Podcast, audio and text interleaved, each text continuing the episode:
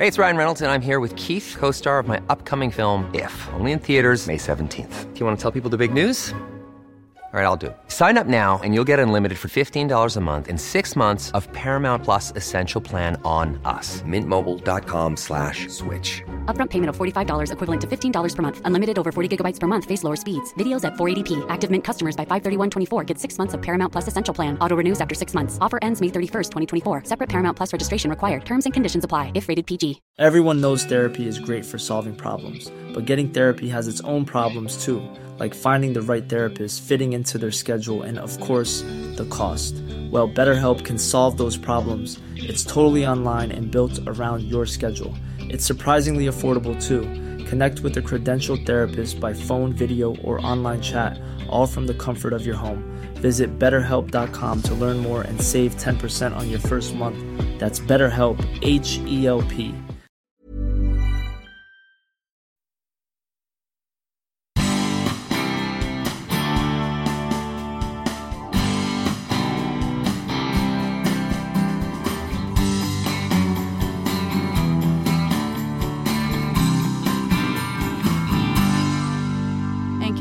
kom igen vi tror på er ändå. Då kanske jag hade vågat fortsätta men eh, jag kände nog att nej, jag, jag fortsätter på det som, som jag kan driva själv, där jag inte är så beroende av andra och där jag liksom gör det med, med personer och, och tjejer som jag verkligen bara får energi av. Eh, och när vi packade upp grejerna så gick folk förbi och skrattade och jag tänkte bara satan, det här kan bli så dåligt. Det vi gör nu det är att vi seglar en simulator. Så vi sitter faktiskt ute i Långedrag eh, på dagarna vid två laptops och en Logitech-ratt från Mediamarkt eh, och tränar och seglar i 50 knop. Anna Östling är en av Sveriges största seglarstjärnor med bland annat ett antal vunna VM-guld i matchracing.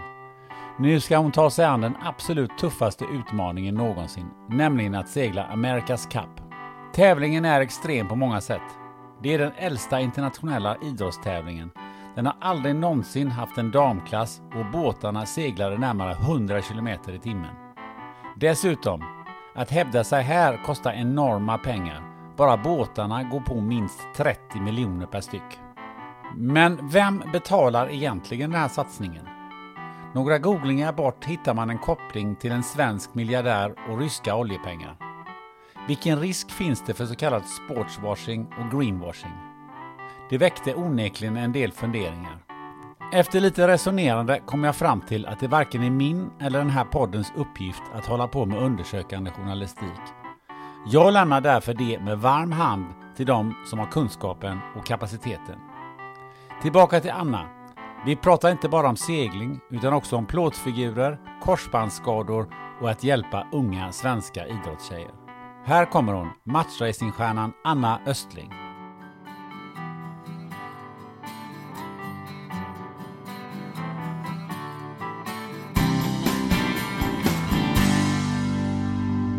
Anna, välkommen till eh, podden Spännande möte. Ja men tusen tack, det är bra.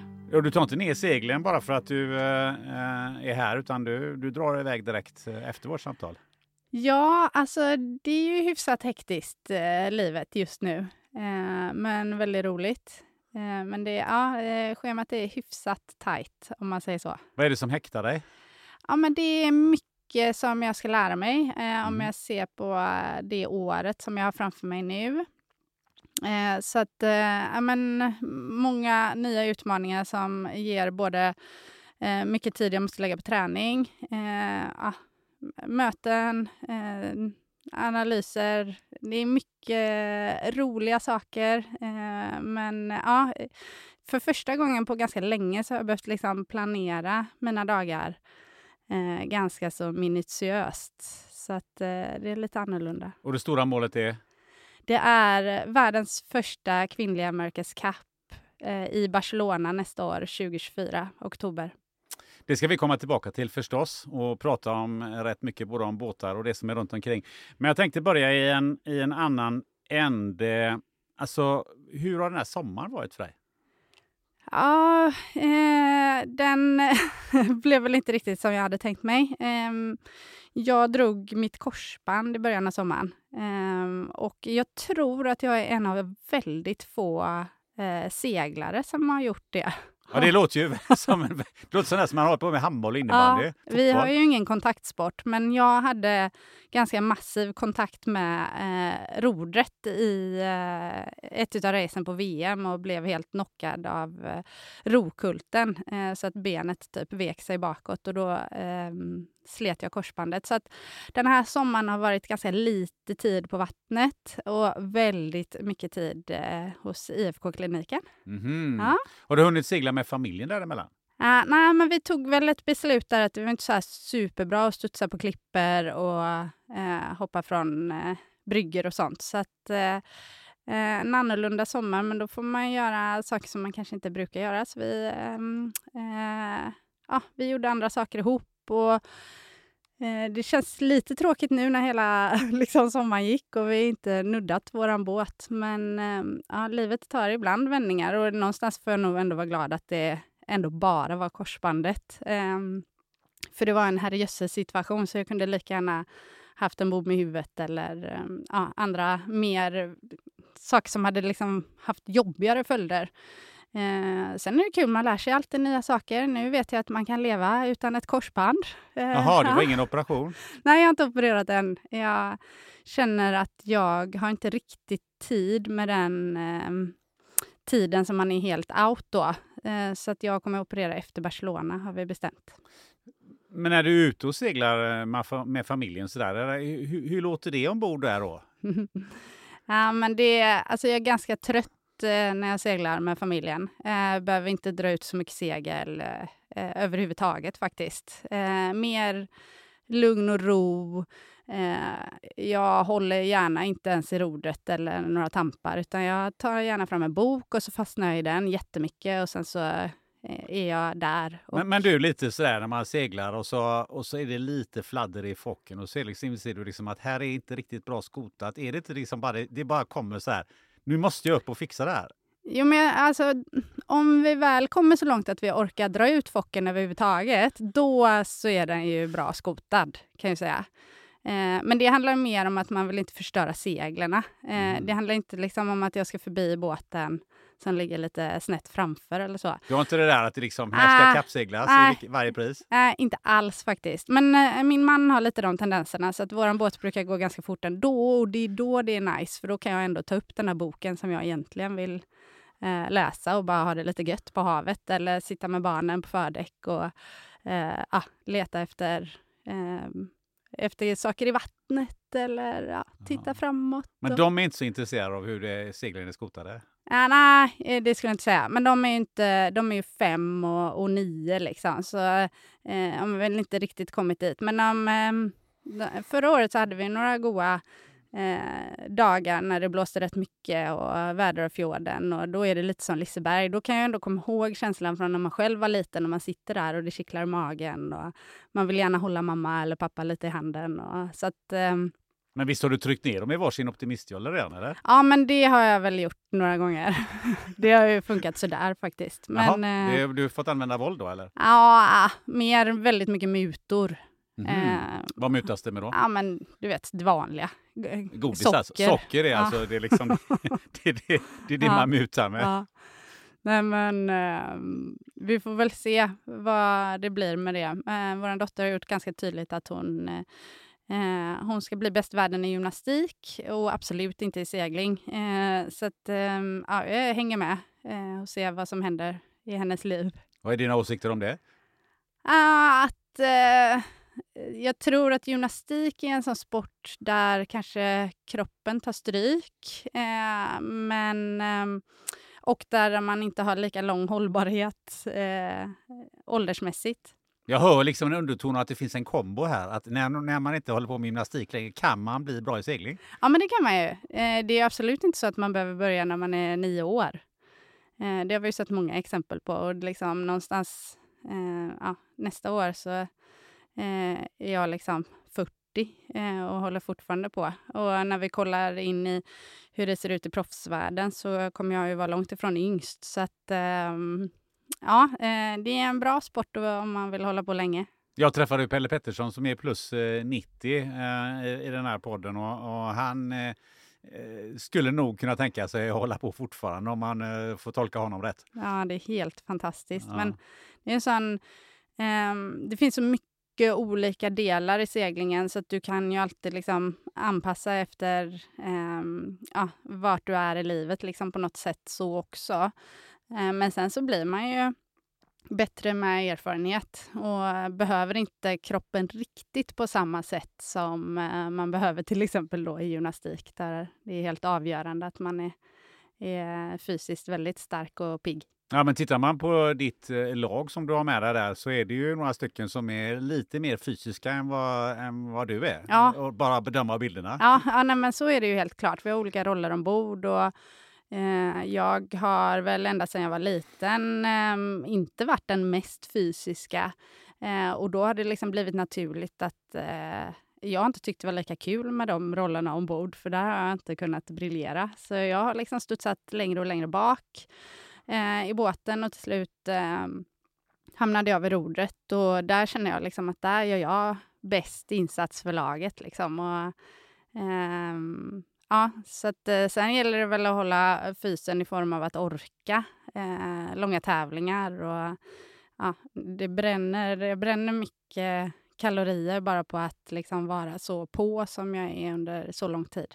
Du, vad minns du av din egen eh, seglingsdebut första gången du satte dig i en, eh, antar att det var en optimistjolle? Mm, ja, vad minns jag av det? Jag minns att det var väldigt mycket liksom, lek och kul. Jag kan inte komma ihåg första tillfället, men jag kommer ihåg första åren eh, på Aspen i Lerum och det var mer som liksom, ett litet andra hem där man sprang runt och eh, hade man tur så hade någon eh, förälder öppnat kiosken så man kunde köpa en chokladboll. Och, ja, det var liksom mer att det var härligt att vara där och mycket kompisar. Och, så jag tror hela den biten, för mig var det ganska liksom, lite Eh, prestation i början, just de första åren. Men sen så ökade det ganska fort till att jag tyckte det var superkul att tävla.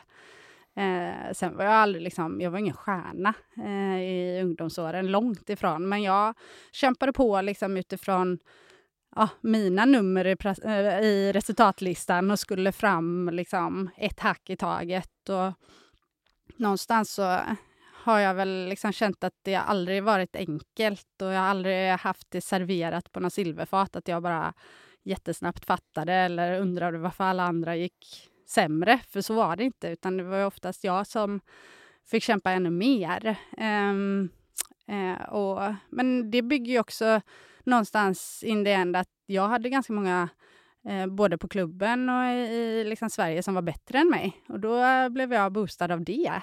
Eh, såg många förebilder. Eh, många tjejer var vi, mm. eh, faktiskt, den tiden eh, på Lässudden. Och det tror jag också bidrog till att jag kände liksom att det var en miljö där jag trivdes och hade kul. Och, eh, det var många killar med, men det var definitivt liksom en sån här ja, härlig miljö som jag eh, mådde bra i. Jag kan relatera till det själv eh, när jag lärde mig segla. Jag lärde mig genom att läsa eh, seglingsböcker. Mm. Eh, för mina föräldrar var inte direkt maritima om man säger så, men vi hade en sommarstuga. Så att, när jag hade läst tillräckligt mycket så eh, stack jag ut med en, en kille och lånade en, en Jolly Scott som det var på den tiden. Och sen så tyckte han efter några slag, ja ah, men det där kan du göra själv, så, så kan du låna båten. Så gick han i land sen. Så att, och då var man ju, jag bara känner fortfarande hur jävla skraj jag var då för ja. att någonting skulle gå åt skogen, jag skulle ja. välta båten eller att jag skulle köra in i bryggan. Eller eh, sådär. Men det är ju en ganska liksom annorlunda miljö att sätta barn i. Det är liksom inte helt naturligt att vara så nära vattenytan och liksom krafter drar i en och sliter i en och seglarna eh, fladdrar och det låter. Och, eh, men, eh, och jag tror Alltså, jag kan nog nästan fråga alla som fortsatt har eh, fastnat i idrottens segling. Alla har varit rädda. Eh, så det är en sån sport där man liksom kommer ihåg vissa minnen där man har gråtit och där man tycker att det är det värsta som finns. Um, man får väldigt eh, stor respekt för naturen också, eh, tycker jag. För just den här att, se, att vinden, mm. den kan du kan liksom inte göra någonting åt den, utan det är den som alltid mm. vinner. Du får bara hantera den. Ja, och det coola är ju någonstans när man kommer till den nivån att man känner att okay, jag kan inte göra åt, något åt det, men jag kan hantera den och det gör jag genom att ta kommando över båten. Alltså det är rätt stor skillnad på att sitta i en segelbåt och eh, båten åker runt med dig eh, jämfört med om du liksom äger din plats som bord och verkligen tar kommando över båten, för då kan du bestämma själv. Eh, det kommer ju såklart med lite kunskap, men där kan ju vi fortfarande, liksom, det tror jag ändå är en av mina styrkor än idag, att eh, ju mer det blåser, desto mer eh, liksom, är det jag som bestämmer över båten. Eh, förutom kanske i den här jippen då när jag eh, brottades med ro, rodret och det var ju oturligt. Det händer inte ofta, men ehm, ja. När det blåser så är det också som roligast, tyckte jag alltid. Alltså ju mer det blåser desto roligare var det, för det gick ju fort. Ja, absolut. Och nu, den typen av segling som jag seglar nu, då kan vi snacka om att segla fort. Det är ja, nästintill äh, galet, men äh, det är också en omställning att äh, det som man tyckte var fort för ett tag sedan, liksom, har man vant sig lite vid det så känns det normalt och så liksom är det så man, man utvecklas helt enkelt. Men eh, vi har ju haft ganska många gånger där vi har hoppat in i obekväma båttyper och känt shit, vi, har, vi, liksom, vi skrattar och vi dör ihop. Det är liksom vårt lilla motto. Eh, och så känns det verkligen. Skratta och dö ihop, det tycker jag är en, ett, ett bra motto. Eh, men det här med segling, vad skulle du säga, är det en rikemanssport? Um, nej, det skulle jag inte säga. Jag är definitivt ingen uh, rikemansunge.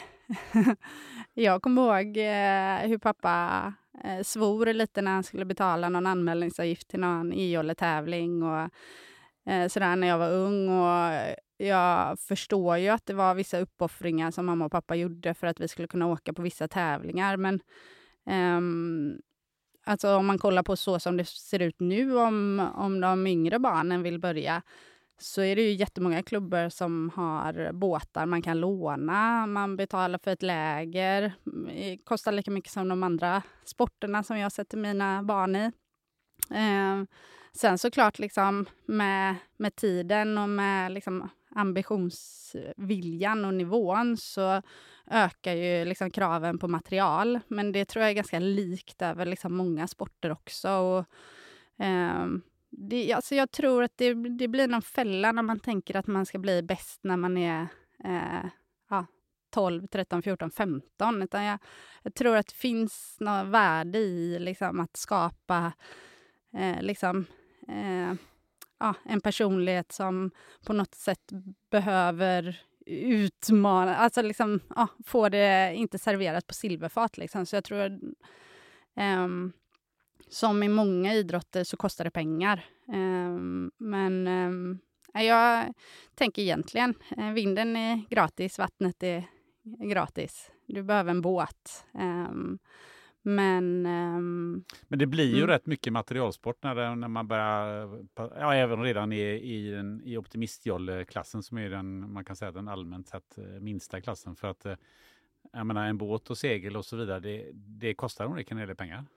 Ja, och det är klart det gör. Det är en investering som du sen när du säljer får tillbaka eh, en ganska stor del av. Eh, så att, ehm, ja, eh, och sen så är det klart att det finns det är en rikemanssport om vi kollar på hur det ser ut liksom, globalt på de stora liksom, ja, tävlingarna där vi kallar det för owners driver-tävlingar där det är på riktigt, det är de rika männen som äger en svindyr båt och sen köper de in proffs som gör jobbet ombord och så står de vid ratten. Och, eh, är det så det funkar? Ja, det är så det funkar i...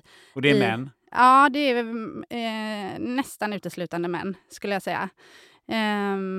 Och, eh, men det är så som de professionella idrottsseglarna Eh, eh, också, än så länge, eh, absolut flest män, det är så de livnär sig på seglingen. Och sen så kan de ju liksom ta pengarna de tjänar från det eh, och tävla i det de faktiskt vill.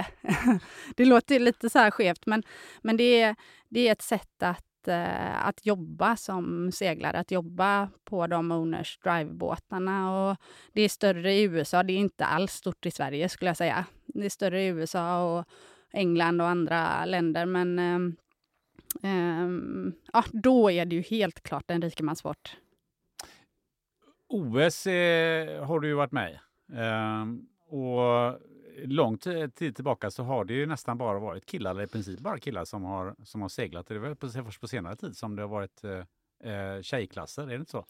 Ja, alltså nu har de, man ju gjort ett eh, superjobb och på eh, OS så som det ser ut nu är det liksom helt 50-50. Alla liksom, medaljerna är, är eh, uppdelade helt lika och man har också flera klasser där man har splittat eh, där man har nu då mixed, där man seglar en kille och en tjej ombord tillsammans. Um, vi i, som har levt i den världen som har med matchracing att göra. Det som många kanske känner igen från tävlingarna på Marstrand när man är två båtar som möts. Vi, vi har haft en damtour under ganska många år. Um, men sen så är det ju... Eh, då får man ju också fråga sig liksom, okay, men vad är den touren jämfört med den andra touren? Vad, hur mycket prispengar är det? Det går inte att jämföra. Och, och hur mycket liksom, i idrott öv, eh, generellt, hur mycket mediautrymme finns för tjejerna, hur mycket sponsorpengar finns för tjejer. Alltså det är där det stora, jättestora glappet är och det finns ju fortsatt. Men jag skulle ändå säga att seglingen är ganska häftig för att den är väldigt jämställd fram till att du ja, blir 15-16 år, för då tävlar du mot eh, alla. Det finns inga uppdelade klasser och ja, du lär dig ihop killar och tjejer och liksom, det är liksom helt naturligt. Um, men varför blir det efter det? Kan, finns det någon klass i, i, i OS till exempel som där lika gärna tjejer skulle kunna hävda sig som killar? Um, alltså, alltså segla mot varandra? Uh, I OS skulle jag säga att det... Nej, det som går är ju nu då i och med att de har valt de här mixklasserna, så då seglar ju killar och tjejer mot varandra. Eh, men eh, det som händer sen ganska naturligt är att vi utvecklas väldigt olika fysiskt. Ehm, eh, och vi, alltså, vi har seglat, vi har tävlat massa eh, under åren mot killar. Eh, går superbra eh, fram tills att det kanske blåser 6, 7, 8 sekundmeter och sen kommer kraften in. Och då är det liksom oundvikligt att om du eh, kan dra en tamp mycket mer explosivt för att du eh, har liksom, eh, du är en kille och du har de förutsättningarna som en kille har, då, då blir det ju skillnad. Å andra sidan så har vi också lärt oss att det handlar jättemycket om timing och hur man kan vara smart eh, och hur man kan jobba tillsammans. Så vi har ju vunnit race i hårdvind mot killar, men då, vi måste liksom använda andra liksom, sidor hos oss själva för att komma liksom, runt den här styrkeproblematiken. Ehm, um, 2019 vann vi vår första världscup som liksom var open, som det kallas då. Där får både killar och tjejer vara med. Um, och det blåste flera dagar, den tävlingen. Uh, det var ju sjukt cool känsla när man liksom manövrerar bort eh, ah, motståndaren. spelar ingen roll om det är en herrbesättning eller en dambesättning eller mixbesättning. Liksom. Um, så seglar vi på topp så kan vi möta många av de bästa herrarna såklart. Men ju mer fysisk båten blir, desto värre blir ju det. Eh, så vi till exempel hoppade in i katamaranerna som heter M32 för några år sedan och de Alltså det, om man bara kollar på trackingen när man kommer till första märket och man drar ut det jättestora seglet och killarna får in det seglet till en viss vinkel och vi hamnar med någon typ av ballong. Eh, så efter det första rundningsmärket så går våra båtar i olika vinklar. För det är liksom, vi har inte fått in seglen lika hårt som dem. Och då blir distansen ganska stor.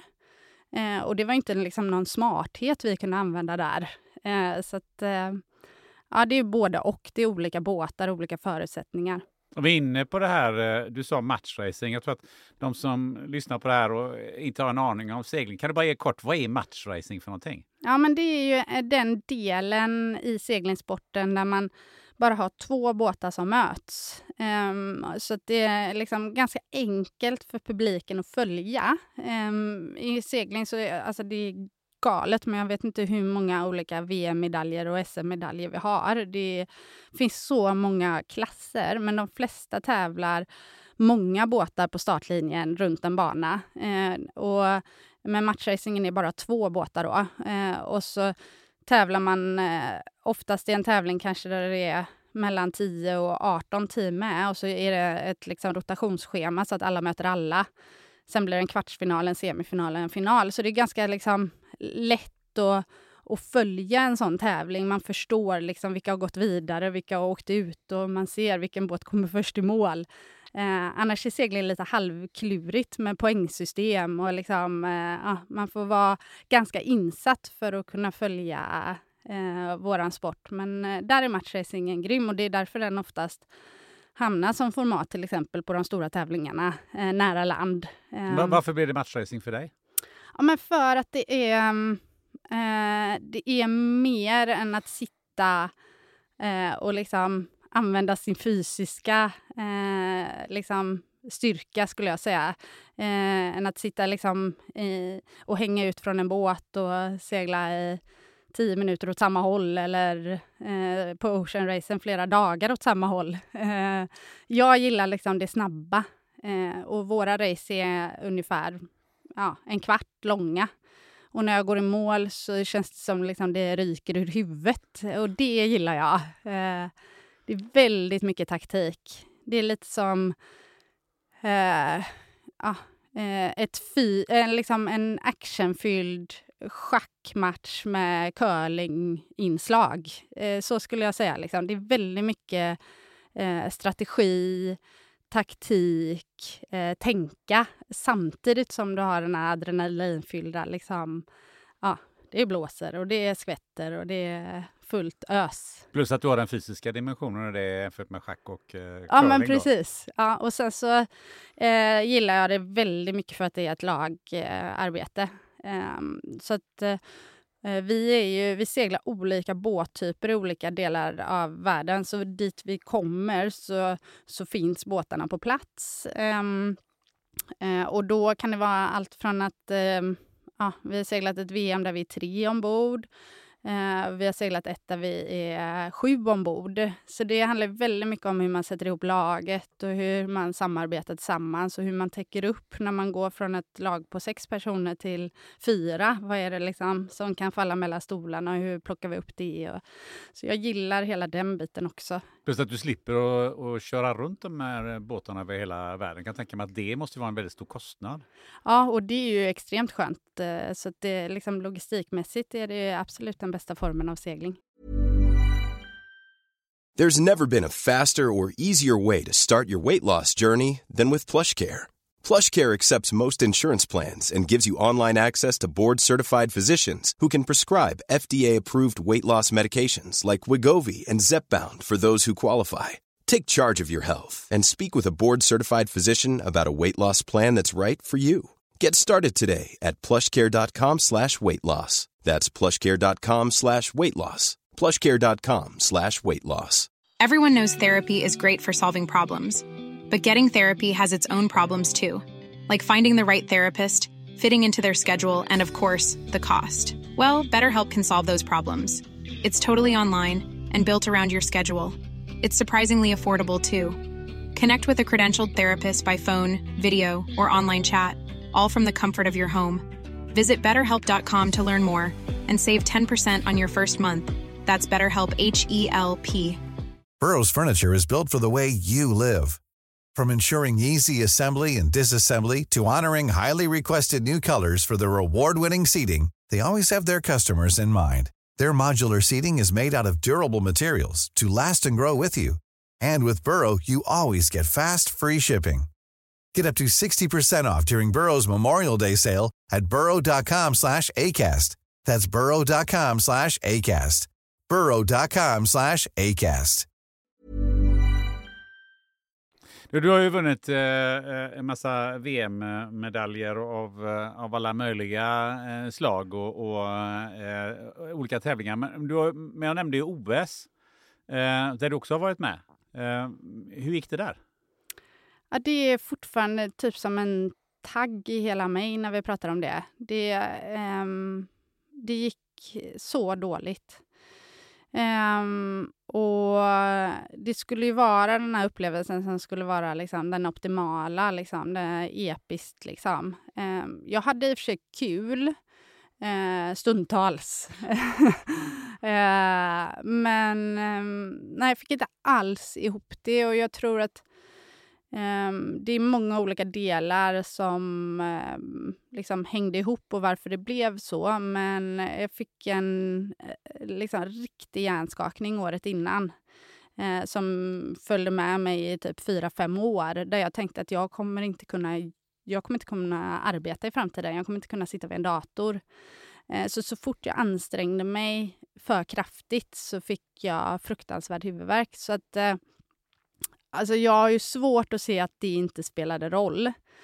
Um, samtidigt så liksom åts vi upp under OS-seglingarna för att vi uh, det var så många race där vi förlorade. Alltså matchracingen som vi pratade om då, det är två båtar som möts. Antingen får du en etta eller så får du en nolla. Uh, det spelar ingen roll om du är en centimeter efter den andra båten i mål, du får en nolla. Eh, och i ett eh, flitrace där du kanske är 30 båtar som seglar så kan du göra bra grejer och sen så kanske du gör något litet misstag så halkar du efter. Sen kan du komma ikapp och du kanske ja, plockar några båtar på sista länsen och fick ett okej resultat i mål. Och sen så... Eh, ja, vårat är så liksom definitivt. Och, och vi fick så många nollor så till slut bara åt de upp oss. Så till slut, så även fast vi ledde, så var det bara som att de andra bara gick om. Alltså det bara, allt bara fallerade. Eh, så det är en ja, jobbig upplevelse fortfarande. Jag försöker ju tänka liksom, alltså jag vet ju hur jag ska tänka. Jag vet att jag inte är mina resultat och jag vet att jag har gjort Eh, jättemånga grejer som jag är superstolt över efter det. Och någonstans efter OS så kände jag bara så här, så här ska det inte sluta. Eh, så det kanske också varit en liksom, stor drivkraft till att verkligen fortsätta och fortsätta och fortsätta. Och när vi vann VM två år efter det, eh, då hade jag precis fått Vera. Eh, hon var bara fem veckor och jag tror liksom någonstans behövde jag bara ja, men få bort press. Och liksom, då hade jag den här lilla bebisen som var det viktigaste i världen och då pang så gick vi in och bara vann hela...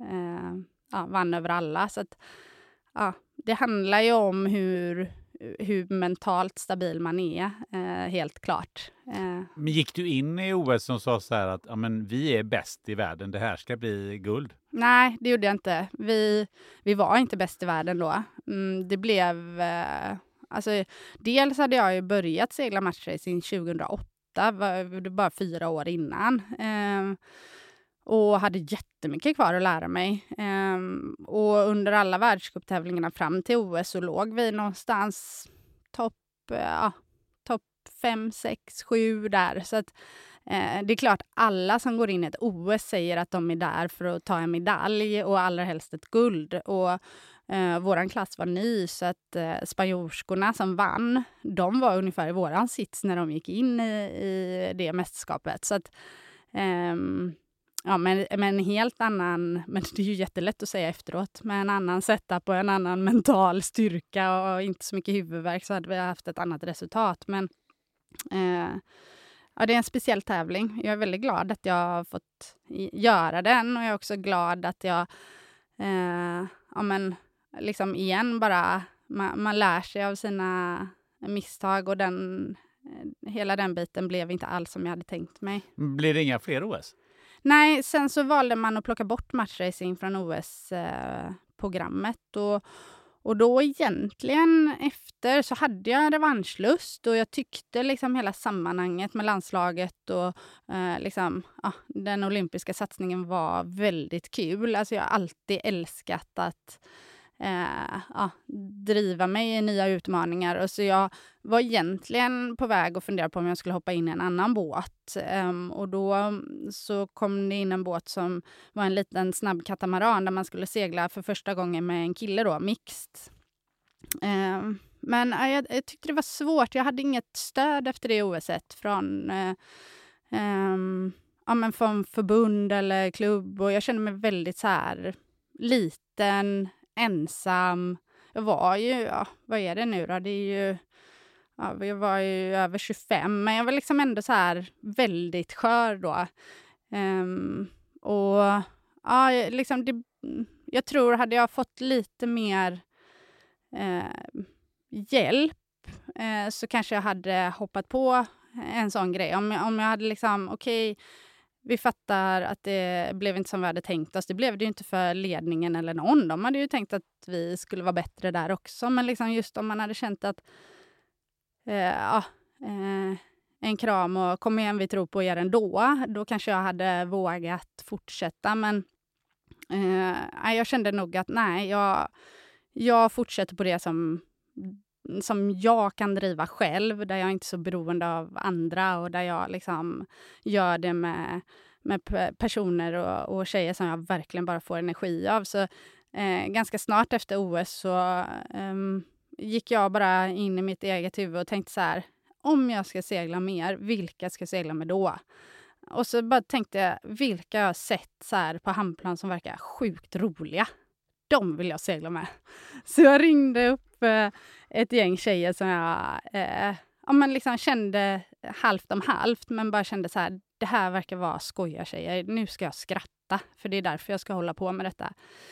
Eh, så vi började liksom hyfsat, kan man säga, eh, brant uppförsbacke med att jag skulle eh, instruera dem ens vad vi skulle göra liksom, på racen ombord. Jag vet vi åkte på en världscuptävling i Korea och vi hade så sjukt kul, men på racen var det att eh, det kom ju frågor, vad gör vi nu? Och liksom, alltså det var ju inte liksom ett elitlag som var på den världscupen, om man säger så. Men de hade suttit i en båt förut? Ja, det hade de. Eh, men de hade inte liksom matchracing-kunskaperna. Eh, eh, så att, eh, men det var ju från min sida väldigt mycket coaching och uh, sätta ihop laget där de två första åren. Men um, alla de tjejerna som vi börjar med då håller fortfarande på och vi är i samma lag. Så någonstans gjorde vi verkligen rätt uh, och satsade på liksom inte den liksom maxade kompetensen utan liksom byggde ett lag av, ja, av skratt och att det skulle vara kul. Eh, och då orkar man hålla på länge. Vad lärde du dig av det? Ja, men att det viktigaste såklart är att det är kul. Och just vid den tidpunkten, jag vet jag har sagt det många gånger, att jag kommer hålla på med detta så länge det är kul. Eh, och det liksom är kul fortfarande. Så att, eh, Um, det lät ju nästan som att uh, de här seglarförbundet och de, de, de personerna var nästan, låt som de var sura på er, eller på dig, att det inte blev bättre. Ja, men jag tror att det är svårt. Det är liksom mycket förväntningar och man eh, du vet, eh, puttar in pengar och liksom... Ah, många vill mycket. Um, och, men jag menar, de som ville mest var väl vi i båten egentligen.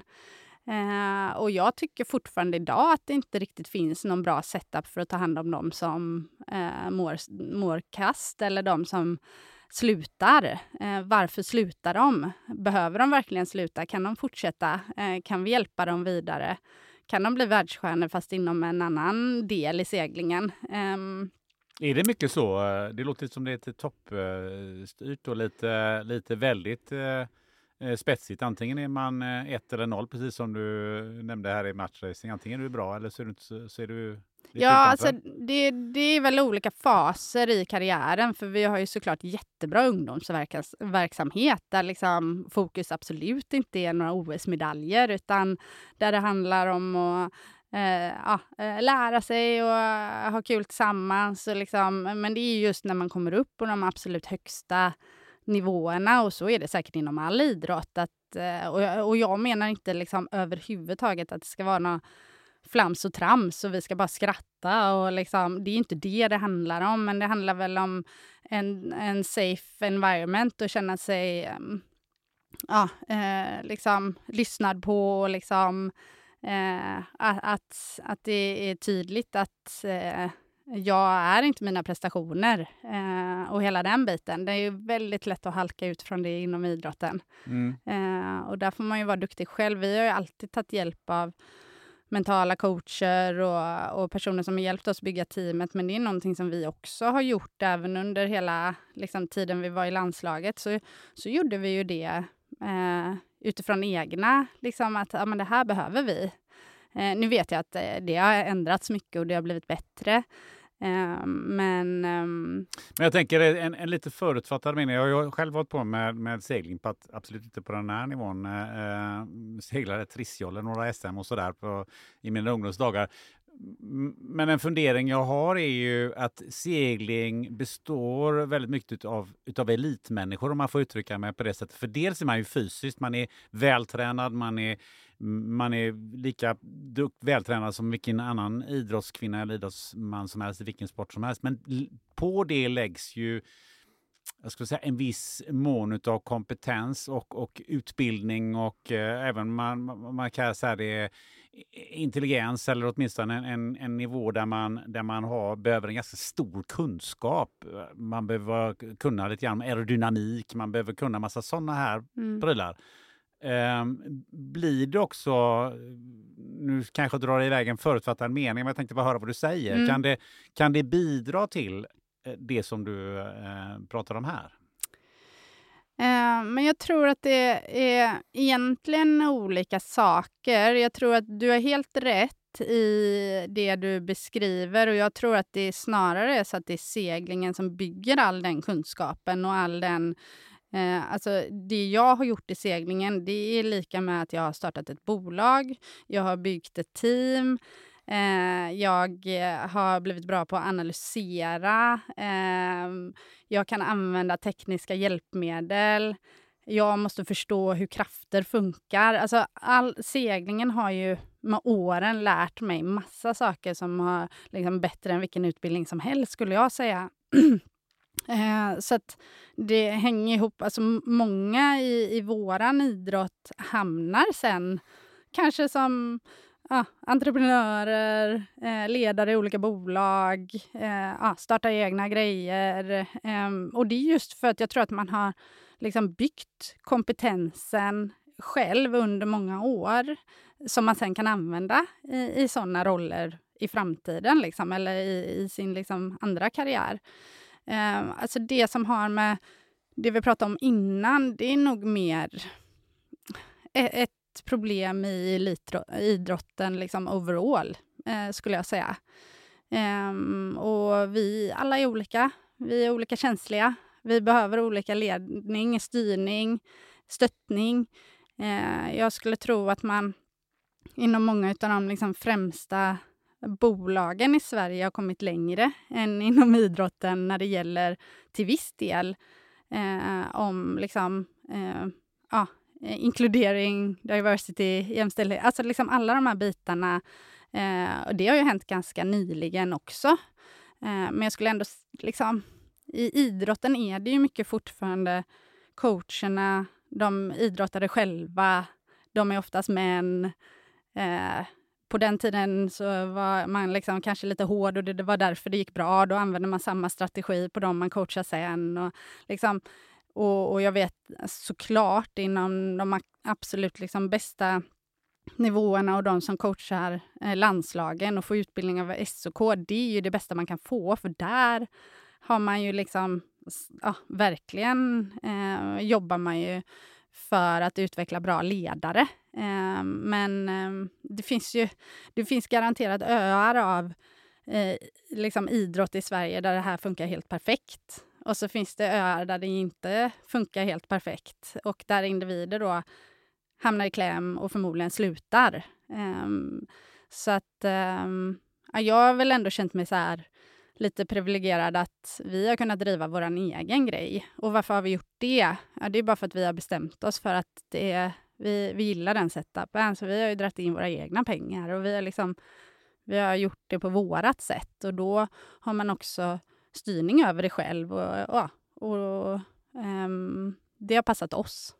Ja, ni har jobbat lite autonomt. Ni har inte haft så mycket med Seglarförbundet att göra helt enkelt. Nej, men och det blir väldigt automatiskt så när man inte är med i eh, liksom, den olympiska eh, seglingen. Och, och, så tror jag det är inom många idrottsförbund att det är just OS som, som är det som man satsar på. Och, um, uh, ja, det är väl på på gott och ont. Vad, vad betyder familjen i det här sammanhanget? Ja, väldigt mycket. Herregud. Jag har inte eh, tjänat jättemånga kronor eh, under den här... Men du är ändå proffsseglare, kan man säga så? Ja, alltså nu kan du faktiskt få säga så, för jag tycker ändå att proffsseglare borde liksom innefatta någon typ av lön. Eh, och nu är första gången som jag har någon typ av lön. Jag skulle inte säga att den eh, är någon lön som andra hade hurrat över. Eh, men, eh, ja, men innan dess har jag ju varit elitseglare eh, och seglat professionellt, men, ehm, men liksom gjort det vid sidan av att lösa den andra biten som är den ekonomiska då hemma. Men eh, familjen betyder jättemycket. Min, eh, min man Sebbe, han har seglat två OS, han vet precis vad, vad jag gör. Eh, och det är klart det har varit liksom, det är tufft eh, stundtals och man undrar lite så här, shit vad jag, jag är ego liksom. Jag kör på med mitt och eh, han har eh, tagit mycket mer hemma det senaste. Men han var också, när han var klar med sin segling så var han klar.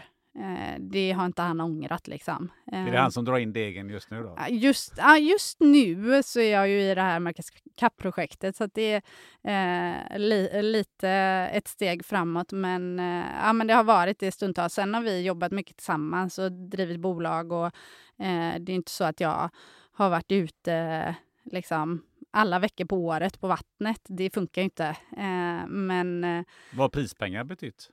Eh, men det har betytt väldigt mycket eh, när det väl har funnits några. det, och, och, vissa år eh, så har vissa tävlingar blomstrat. Och vi hade till exempel ja, men, som jag pratade om, vår första där världscuptävling ihop med det nya laget var i Korea. Då vann vi liksom, ja, just den tävlingen vann vi inte, men senare i Korea då vann man ganska mycket pengar i våra mått mätt. Men det är ju fortfarande, ja men vi snackar inte så mycket pengar om vi jämför med många eh, andra sporter. Men vad, kan du avslöja, vad, vad får man som vinstpengar om man vinner en sån regatta? Ja men då tror jag som bäst har vi kanske fått 300 000. Och det delar ni på fyra då eller? Ja men då har vi alltid gjort så att det, är, liksom, det lägger vi in i teamet. Eh, och så åker vi på fler tävlingar. Så ja, därför... så du har inte varit inne i plånboken? Nej, nej, vi har ju i stort sett aldrig fått några pengar av vår segling. Eh, men däremot så har jag, som jag sa, lite byggt olika delar runt min segling där jag har lärt mig saker som jag kan använda. Så jag har Eh, jag har jobbat lite som föreläsare om hur, hur man bygger team. Och liksom, det är ju saker jag har kunnat såklart fakturera för och det kommer ju av min segling. Jag hade inte kunnat göra det om jag inte hade min segling. Um, och, ja, så att, uh, det är väl lite både och, och. Och vissa i teamet har ju valt att ha en helt liksom, blomstrande civil karriär också. Kan man ha det? Ja, alltså man kan ha det eh, om man har många timmar på dygnet. eh, jag kan inte riktigt eh, ha den så jag, blir, jag jobbar mycket, men jag behöver fokusera mer på seglingen känner jag för att vara liksom 100% bra. Och sen så eh, gillar jag det så mycket så att jag liksom har lagt för mycket tid på det kan man väl säga. Eh, men eh, ja, någonstans är det coola i hela detta är att det har ändå byggt upp kompetenser som gör att jag kan göra andra saker. Eh, seglingspodden startade vi förra året. Seglingspodden. Men sen säljer du plåtfigurer också? Ja, men det är dalande eh, måste jag säga. Aha. Eh. Men vad berättar man? För googlar man på dig så plötsligt hamnar man i plåtfigursvärlden. Ja, det var någon jag ringde för ett tag sedan och så hade han någon app som sa liksom så här, vem är det som ringer? Då stod det Anna Plåtdjur. Han bara, vad betyder det här? Ja, då fick jag förklara. Det var egentligen, det var i samband med eh, VM innan OS, alltså VM 2011 i Australien. Så åkte jag och Sebbe på några dagar vi hade off, eh, åkte vi på en liten tur runt eh, söder om Perth och så hittade vi de här eh, plåtfigurerna i en butik, tyckte de var ascoola. Eh, dividerade lite om vilken vi skulle köpa hem. Eh, och så köpte vi med, det är typ som ett konstverk, de är gjorda av återvunna oljefat. Um, och en australiensisk designer och konstnär som gör dem. Uh, och den hade vi hemma några år och många tyckte att den var cool. Och vart köper man den? Ja, det gör man i Perth. Eh, okay. Så när Sebbe slutade segla så tänkte vi att uh, det kanske faktiskt är någonting vi kan importera. Uh, för vi sökte ändå någon typ av inkomst som var kopplad till ett flexibelt jobb. Inte liksom, möjlighet att vara anställda på det sättet och behöva vara på en plats en viss tid. Uh, ja, så att vi halvfejkade väl ett CV om att vi kunde väldigt mycket om inredningsbranschen. Uh, Sebbes mamma hade en pytteliten inredningsbutik när han var liten, så det drog vi på om. Och, um, och så fick vi liksom distributionsmöjligheterna av den här uh, australiensiska killen och bolaget där. Eh, under förutsättning att vi köpte en container med plåtdjur, vilket var ungefär varenda öre vi ägde. Um, så då tänkte vi det var ju en bra idé, det gör vi. Så vi betalade in ungefär varenda krona vi hade och sen så um, typ tre dagar efter det så satte vi oss på en, mm, eh, en tävlingsbåt och seglade över Atlanten. Eh, liksom utan någon typ av eh, ah, wifi eller liksom kontakt med omvärlden. Så då satt vi där och hade typ halva ångest halva resan. För det fanns liksom no return. Och sen andra halvan använde vi till att liksom, nu måste vi göra en plan för detta. Um, ja, så när vi klev av i Västindien så hade vi en plan eh, och så åkte vi hem och genomförde den. Och det har varit ett bolag som har funkat eh, men bra och varit roligt i tio år. Fick ni sålt hela containern? Ja, alltså det sjuka var att vi åkte till Formex hade vi tagit reda på då att det fanns en mässa i Stockholm som hade med inredning att göra. Så vi bokade på oss med liksom världens minsta monter. Eh, och när vi packade upp grejerna så gick folk förbi och skrattade och jag tänkte bara satan, det här kan bli så dåligt. Eh, men det blev succé de skrattade för att de tyckte att det var coola grejer och annorlunda. Eh, för de flesta montrarna på Formex ser ganska lika ut. Skulle du gå dit nu så handlar det om lite mässing och marmor och eh, plyschkuddar. Eh, och där stod vi med våra plåtdjur. Så vi hamnade faktiskt på första sidan i Metro och på Trendtorget. Och, ja, det var liksom high life där. Eh, så att, eh, det var en ganska galen historia, men också så här... ja, våga satsa. Eh, jag gillar grejerna. Det borde vara fler som gillar grejerna. Så resonerade eh, liksom jag i alla fall. Um, och sen kom pandemin och då satte det ganska mycket käppar i hjulet. Uh, för då hade vi ändå byggt upp det som att vi hade en hel del handel, eh, gränshandel mot Norge. Uh, för att de här grejerna inte var så billiga, så eh, norrmännen var bra kunder. Då försvann de. Uh, dollarn skena, frakterna skena. Um, och någonstans så tappade vi också liksom geisten och intresset. Och det finns nya saker som händer i livet. Eh, så lite halvaktivt har vi väl eh, avvecklat det. Men något som händer i livet, eh, det är det vi började snacka om, det vill säga Amerikas Cup. Eh, till att börja med, vad är Amerikas Cup? Men det är faktiskt världens äldsta idrottstrofé. Um, det är den liksom, jag tror om den är 170 år eller 150, ja, många, många år är den.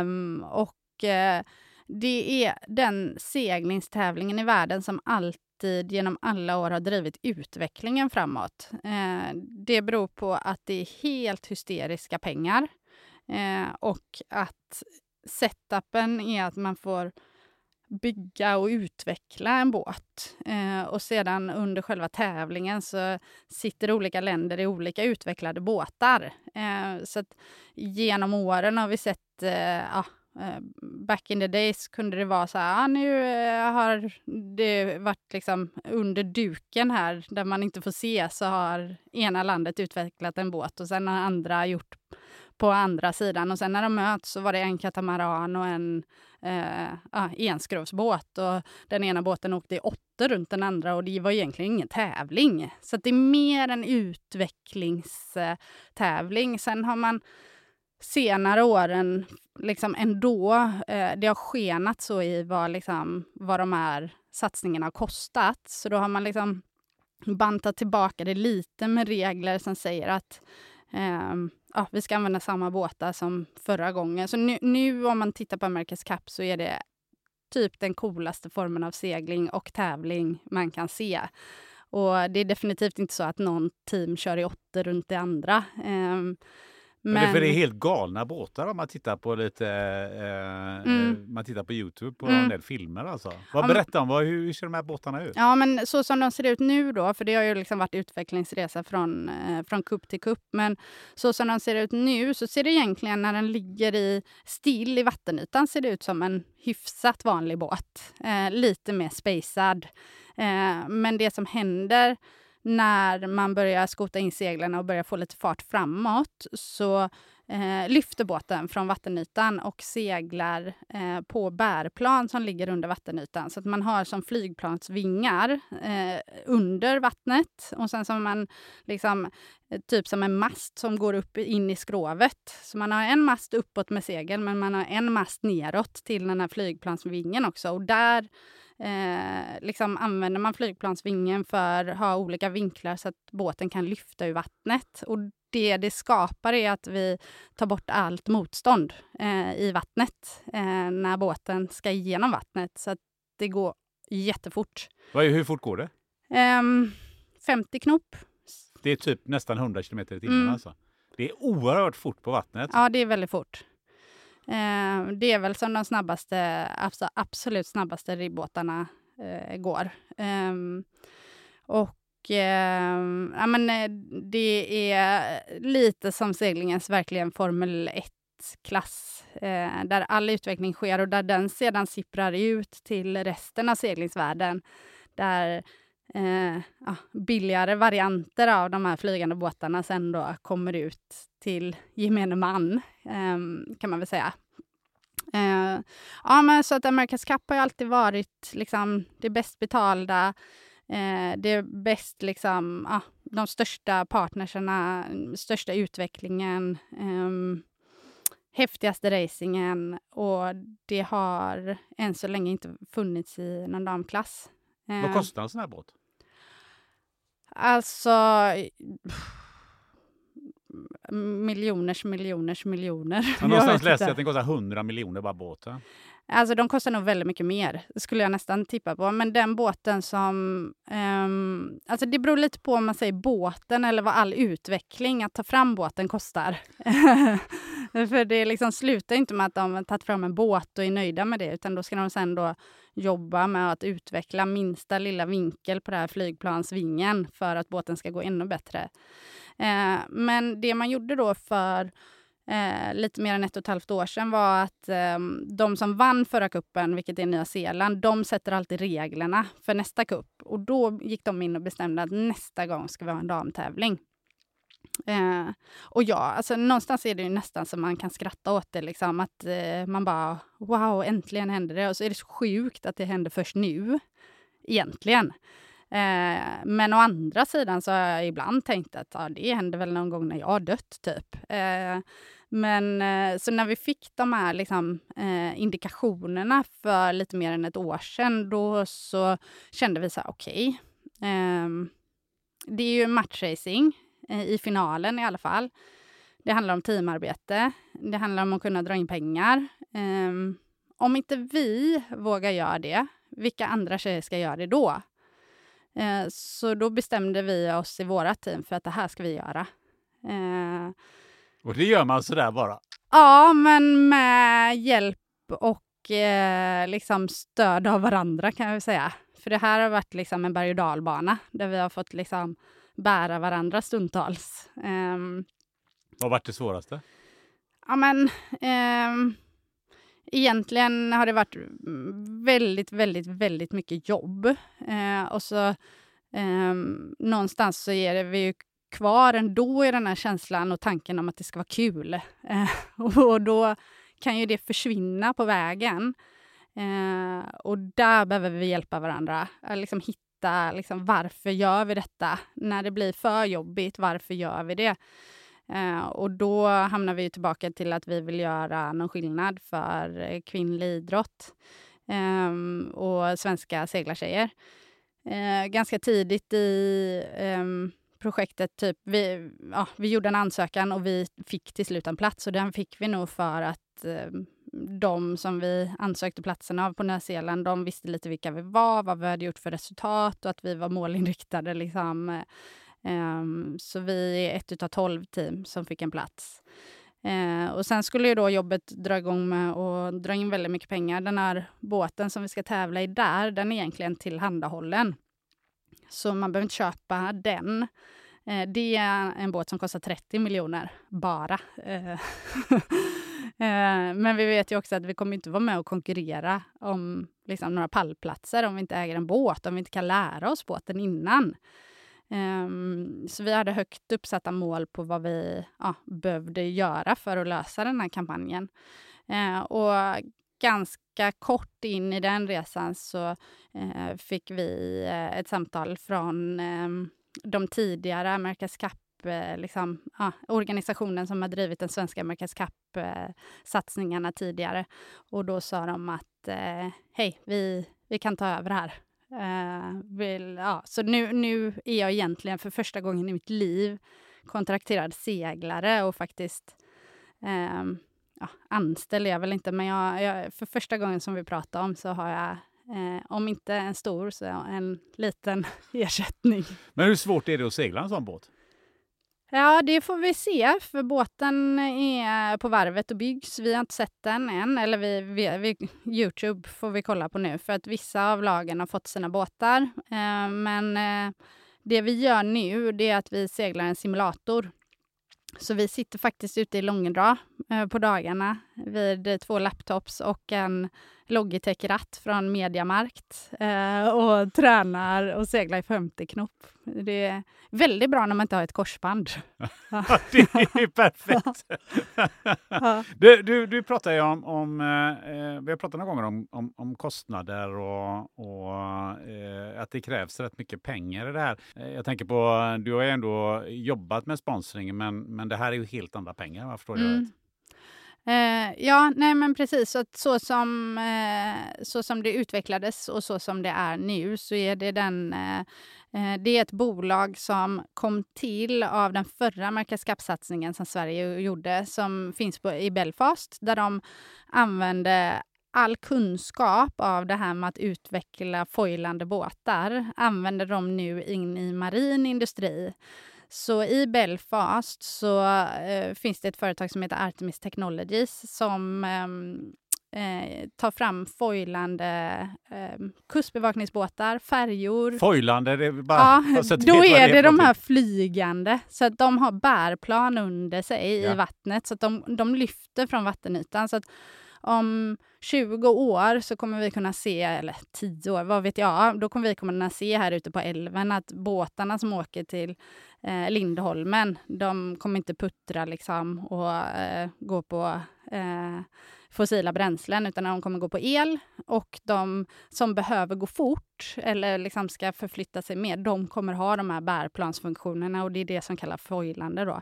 Så eh, förmodligen kommer vi åka eh, till Danmark i eh, flygande båtar eh, inom en ganska snar framtid. Och det bolaget som står för vår satsning, de bygger de här båtarna. V vad är det för bolag?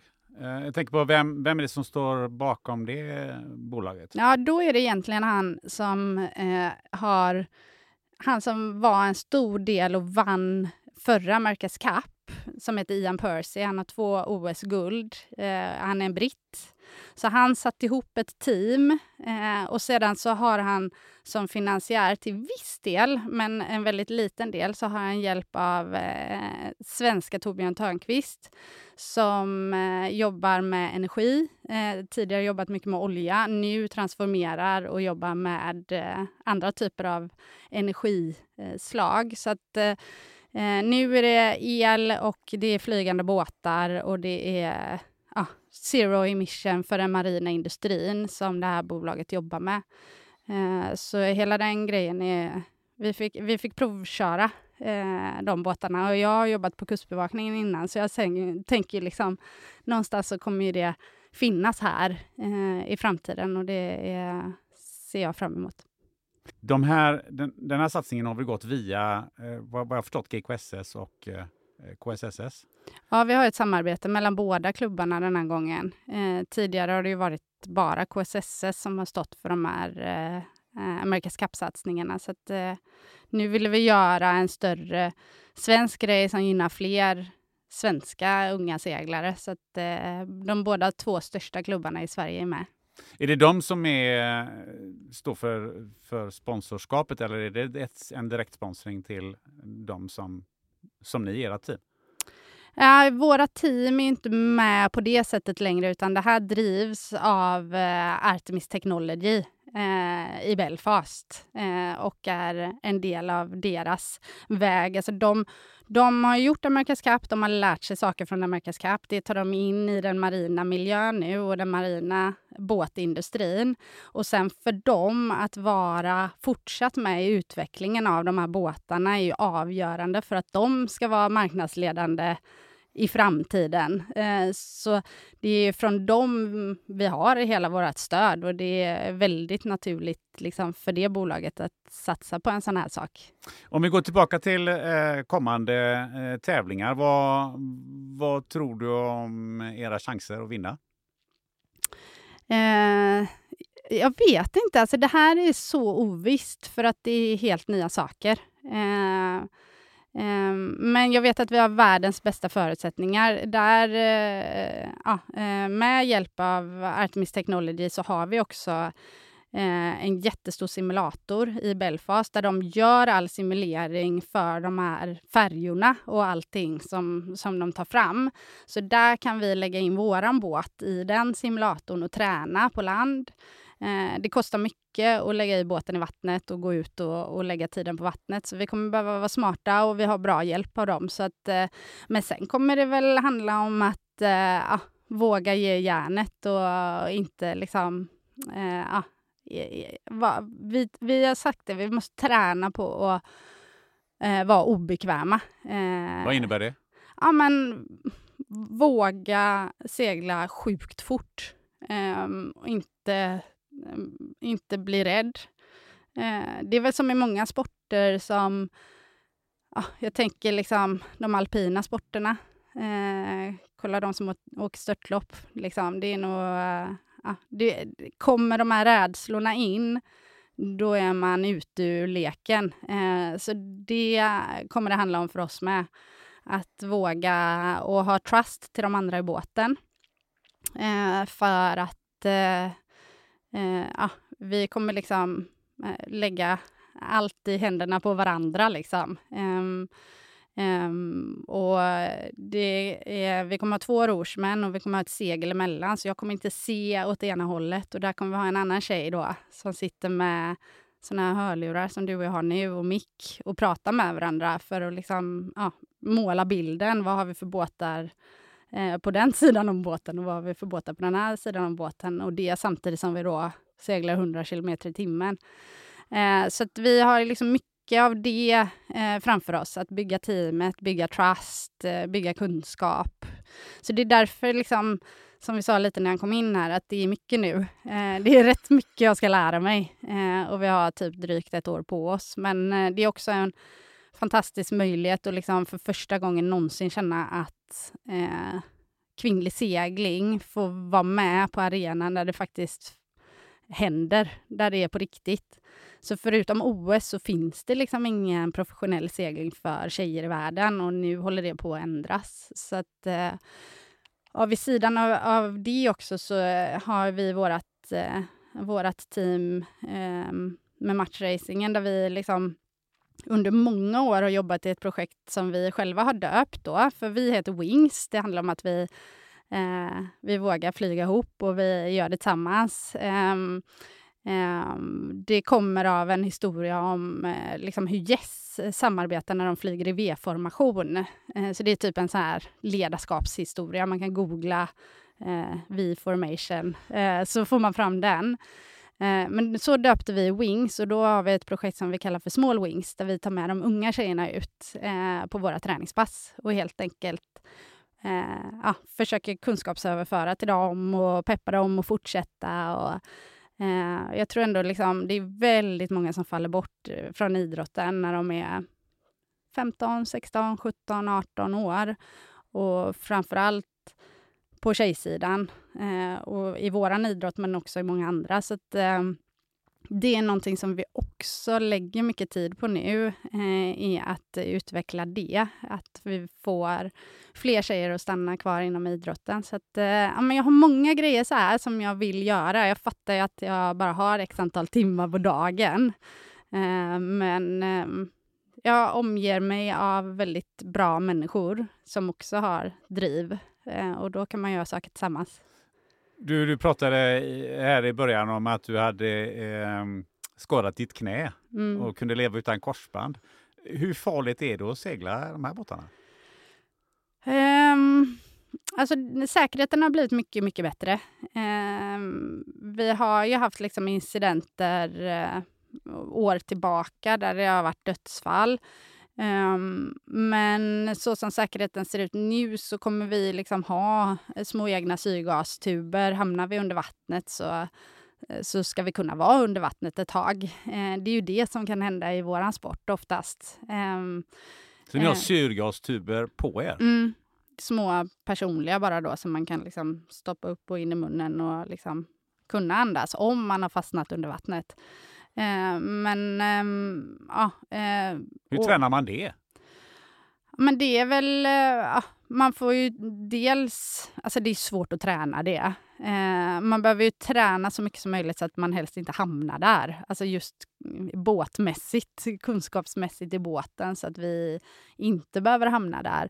Men eh, annars så är det ju som vanligt som, eh, som jag sa innan. Jag har jobbat på Kustbevakningen, tränat massa olika sådana eh, ja, livräddningssituationer och det kommer vi behöva göra i det här projektet också eh, hur, man, ehm, ja, hur man får upp en person i vattnet och hur man rent liksom, tekniskt använder en sån eh, syr, syrgastub liksom, under vattnet. Och, eh, sen får vi verkligen hoppas att det inte sker några olyckor, såklart. Ehm, jag Jag tänk- tänker med kollisioner, är 100 kilometer i timmen är inte så nyttigt. Nej, eh, vi ska inte krocka med de här båtarna. Men eh, eh, det som oftast händer när man ser krockar ändå ute på de här stora tävlingarna så är det ju liksom eh, ja, det är ju material som går sönder och det kostar mycket pengar. Men eh, vi har ju liksom ändå eh, varit förskonade från liksom större olyckor skulle jag säga. Eh, och säkerheten blir ju bättre varje gång det händer något också. Det är ju som med alla Ja, och sen så såklart, det är ju en risksport. Men jag vet inte, jag tänker faktiskt inte så himla mycket på det. Jag tycker det finns mycket som är risker i sådana fall. Eh, som man kan vara rädd för. Vad har ni med övrig personlig utrustning? Jag har sett att det hjälm är ju definitivt någonting man har. Ja, och hjälm seglar vi med liksom mer och mer i olika typer av båtar. Så när vi Um, har seglat på Marstrand till exempel, de här M32-båtarna, så har vi haft hjälm. Och det handlar lite om att det går fort och man studsar runt lite och man kan råka slå huvudet. Och det känns ganska självklart att det, det är inte svårt att addera en hjälm på huvudet. Uh, så att uh, um, nej men det är det. Och flytväst såklart. Um, ehm, men um, Ja, vi har en resa framför oss. Vi kommer ju lära oss, kommer jag tillbaka om ett år så vet jag säkert väldigt mycket mer om detta. Just nu sitter vi lite safe då, som sagt, inne eh, på land och seglar en simulator. Där blir man inte jätte... Ingen hjälm på. Nej, man blir inte jätteskadad om man välter liksom. Ehm, men eh, säkerheten kommer ju ändå vara A och O. Vi kommer inte göra någonting som vi inte är trygga med. Om vi skulle ses här om eh, drygt eh, ett år sådär, framåt november kanske, Eh, eller när nu sista seglingen går. Vad, vad skulle du vara nöjd med om du sitter här och pratar med mig? Um, jag, alltså rent personligt så hade jag varit nöjd. Uh, alltså jag vill ju vara ombord. Uh, jag har liksom... Uh, racingteamet är inte bestämt. Det är som på ja, fotbolls-VM, vi kollar för tjejerna. Vi vet inte vilka som kommer sitta på bänken och vilka som kommer sitta i båten. Jaha, det är inte klart att du sitter i båten? Nej, det beror på vad jag presterar och vad jag liksom bidrar till teamet och uh, om, om jag är den bästa. Teamet ska vinna, eh, det är uttalat. Så det är inte du längre, det är inte du i det här fallet som bestämmer? Nej, så vi gjorde ju så då när vi eh, det var vi som ansökte om platsen till America's Cup. Eh, men sen när vi gav över hela ansvaret till Artemis Technology så gav vi också bort ansvaret. Eh, så att eh, jag är en av de andra i, eh, i teamet. Så nu är du lite tillbaka till det här att du inte själv riktigt bestämmer ja, allting? det skulle man faktiskt kunna säga. och med viss struggle. alltså det är väl någonting också som när man Eh, Eh, liksom i över tio års tid eh, har bestämt själv eh, så är ju det liksom... Ja, det är en resa att släppa det. men jag kände bara att det här är bäst för svensk segling. Det här kommer gynna flest. och Eh, det kändes som att det var en no-brainer att hoppa på det eh, tåget. Eh, så där är vi. Men just därför så driver vi hårt vidare på vårt Wings-projekt eh, där vi vill få många unga tjejer att fortsätta inom idrotten. Så att vi har liksom det är därför jag har lite många olika bollar. Men eh, egentligen i Marcus Cup-projektet så är jag seglare. Eh, och sen så driver jag mina egna projekt. Eh, och ja, men det ser jag också fram emot. Så i november när vi ses så hoppas jag att jag har varit ombord på båten. Jag hoppas att vi tog oss till pallen. Eh, jag hoppas att Eh, jag har 20 tjejer med i Wings-projektet i olika idrotter eh, som får stöttning av oss i form av eh, ja, mental rådgivning, liksom många olika delar som vi, vi känner liksom vi själva kanske har saknat och som vi ser strukturella liksom, ja, problem eh, som finns idag eh, för många unga idrottstjejer. Det vill vi bidra till att förbättra och förändra. Så att, eh, ja, men jag hoppas att vi har ja, 20 eh, tjejer i det programmet och att vi efter America's Cup kan öka eh, insatsen i det projektet och, och kanske, jag säger inte att jag ska pensionera mig, eh, för det har jag inte alls bestämt, men någonstans så har i min idrottskarriär gått från att eh, liksom ja, i början på äh, Aspen där, då var det kompisar och det var bara jättekul och liksom, det var inte så mycket fokus på tävling. Sen blev det fokus på tävling och allt vad jag gjorde och äh, det var så viktigt så att jag kunde inte ens prestera. Äh, om vi tar London tillbaka då som exempel. Sen efter det ehm, fokus på att hitta glädjen, komma tillbaka och någonstans de senaste fem åren så har jag switchat väldigt mycket till att okej, okay, eh, det finns mer grejer att göra som inte bara har med mig själv att göra. Eh, liksom, det är lätt att idrottare blir väldigt egocentriska och tänker bara på sin egen prestation och sitt eget upplägg över dagen. Men senaste fem, sex åren sedan vi startade Small Wings-projektet så känner jag så här, men fasen, det är helt fine. Jag vill fortfarande vinna, men det är helt fine att jag lägger mycket mer tid på andra, för det är ändå liksom någonstans de andra unga tjejerna som ska ta över här snart. Eh, och har jag lärt mig saker så är det ju skitdumt om jag inte kan föra vidare det. Eh, och jag känner liksom att den resan jag har gjort har varit så kul att jag vill att fler ska få chansen att göra den.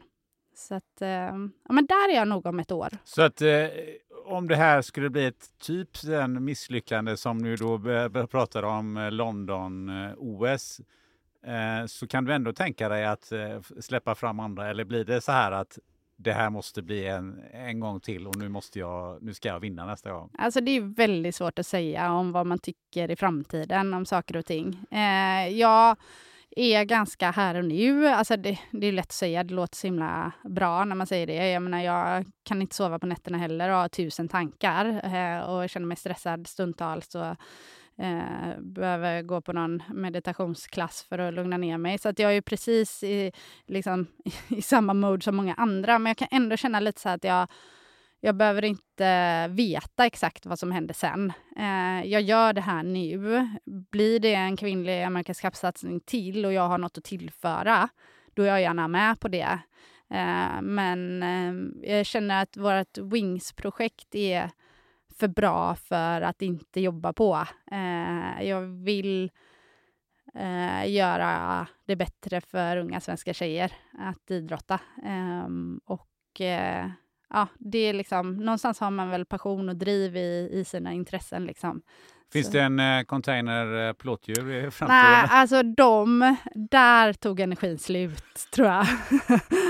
Ah, alltså det var väldigt kul och jag har lärt mig mycket på den resan också. Men liksom, ja, vissa delar känner jag mig rätt klar med, kan man väl säga.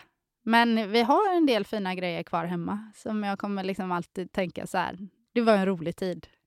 Det var en rolig tid och det har varit en rolig tid att eh, få sitta här och, och prata med dig. Eh, hur har det känts? Jo, men bra. Eh, det är annorlunda. Jag har ju eh, poddat en del själv senaste året i Seglingspodden, men då har jag ju pratat med andra.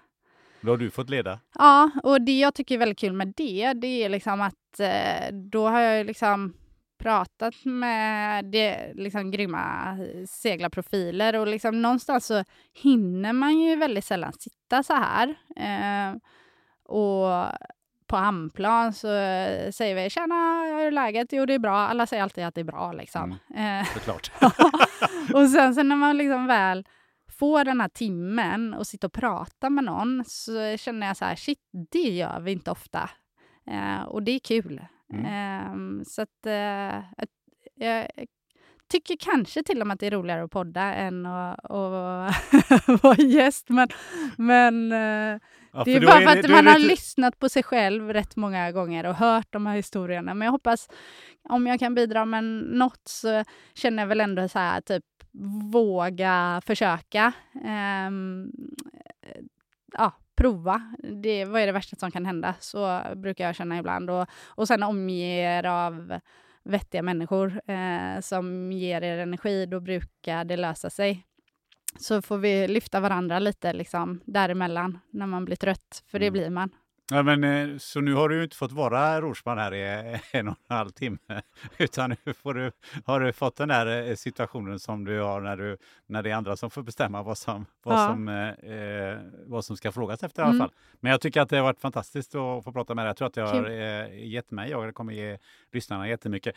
Eh, apropå det då, vem tycker du jag borde intervjua? Um, ja, men jag, nu har jag ju verkligen hamnat in i det här typ eh, tänket på hur idrottstjejer har det gällande liksom, miljön runt omkring och hur vi kan liksom, um, ja, eh, skapa bättre förutsättningar. Och i, i vissa strukturella eh, liksom, problem som man kanske inte har tänkt på innan, som där det faktiskt gör att många slutar idrotta. Så jag, jag är ändå liksom, jag är peppad på att höra mer av andra idrottstjejer. Och då tänker jag liksom spontant på fotbollslaget. Mm. Eh, tjejerna, eh, för där tänker jag också, de har liksom varit i eh, det kanske jag förutfattar, men de har ju liksom ändå varit i liksom en, ja, eh, en ganska maskulin miljö. Eh, fotbollen och liksom kanske inte varit självklart att det har funnits damlag och sådär. Så att, och deras resa. Jag skulle nog vilja lyssna på typ eh, Elin Rubensson, någon sån Göteborgstjej Mm. som har gått vägen via svenska klubbar eh, och ja, tagit sig uppåt och är nu en stjärna i, i svenska ögon. Eh, hur, de, hur hon har liksom upplevt det eh, eller Aslani, eller liksom, alltså någon av de här tjejerna som har, tror jag, eh, stött på många hinder på sin väg fram. Eh, höra lite vad de, vad de säger. Caroline Seger kanske? Ja, det hade varit fantastiskt. Ja. Ja. Ja, var- Många förebilder där och det är liksom förebilderna vi behöver också. Så att eh, gärna, eh, ja, hittar du någon Mm. av de grymma fotbollstjejerna så kommer jag sitta och lyssna. Jag Mm, lovar. Ja, vad härligt. eh, om man vill lyssna till dig då och inte i en podd utan man kanske vill ha ett föredrag eller man kanske vill gå in och eh, eh, sponsra dina projekt. Eh, hur får man tag på dig? Eh, ja, men det får man via wingsailing.se ehm, skulle jag nog säga. Eller Instagram, eller LinkedIn, Anna Östling. Ehm, Instagram heter jag nog a.ostling. Så det finns många kanaler att, att nå mig på. Och jag eh, ja, men tycker det är kul att jobba med olika personer och eh, olika liksom, ja, bolagkompetenser för att göra det bättre för unga tjejer i vår idrott. Så det vore kul. Ett stort tack eh, Anna Östling att du tog dig tiden eh, mitt emellan andra, alla andra stressiga grejer som du har att göra. Jag önskar dig ett, ett stort, stort eh, lycka till och kommer att följa det här väldigt nära. Så jag hoppas att vi får träffas någon gång framöver igen. Tack så mycket, det var jättekul att vara här. Du har lyssnat till det 170 avsnittet av podden Spännande möten med mig Gunnar Österreich. Det finns några gamla avsnitt som blivit högaktuella på sistone. Anna Maria Corazza Bildt har bytt sida från Moderaterna till Liberalerna i nästa EU-val. Kolla in avsnitt 42 så får du ett spännande samtal med Anna Maria. Eller varför inte förra årets samtal i avsnitt 125 med bordtennisesset Jörgen Persson som numera är förbundskapten i pingis. I helgen blev Sverige Europamästare för första gången på länge.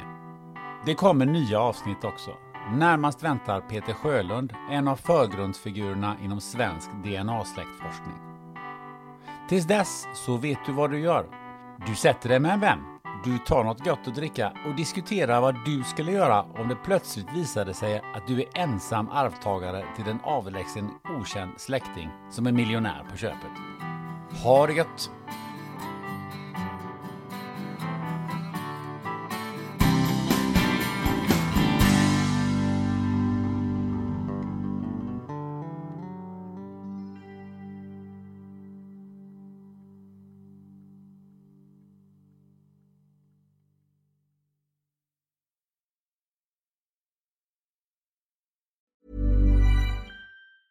Planning for your next trip?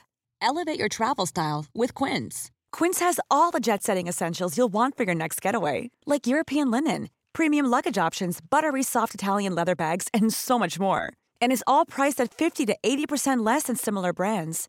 Plus, Quince only works with factories that use safe and ethical manufacturing practices. Pack your bags with high-quality essentials you'll be wearing for vacations to come with Quince. Go to quince.com/pack for free shipping and 365-day returns. Imagine the softest sheets you've ever felt. Now imagine them getting even softer over time. That's what you'll feel with Bowl and Branch's organic cotton sheets. In a recent customer survey, 96% replied that Bowl and Branch sheets get softer with every wash. Start getting your best night's sleep in these sheets that get softer and softer for years to come. Try their sheets with a 30-night guarantee. Plus, get 15% off your first order at bowlandbranch.com. Code BUTTERY. Exclusions apply. See site for details.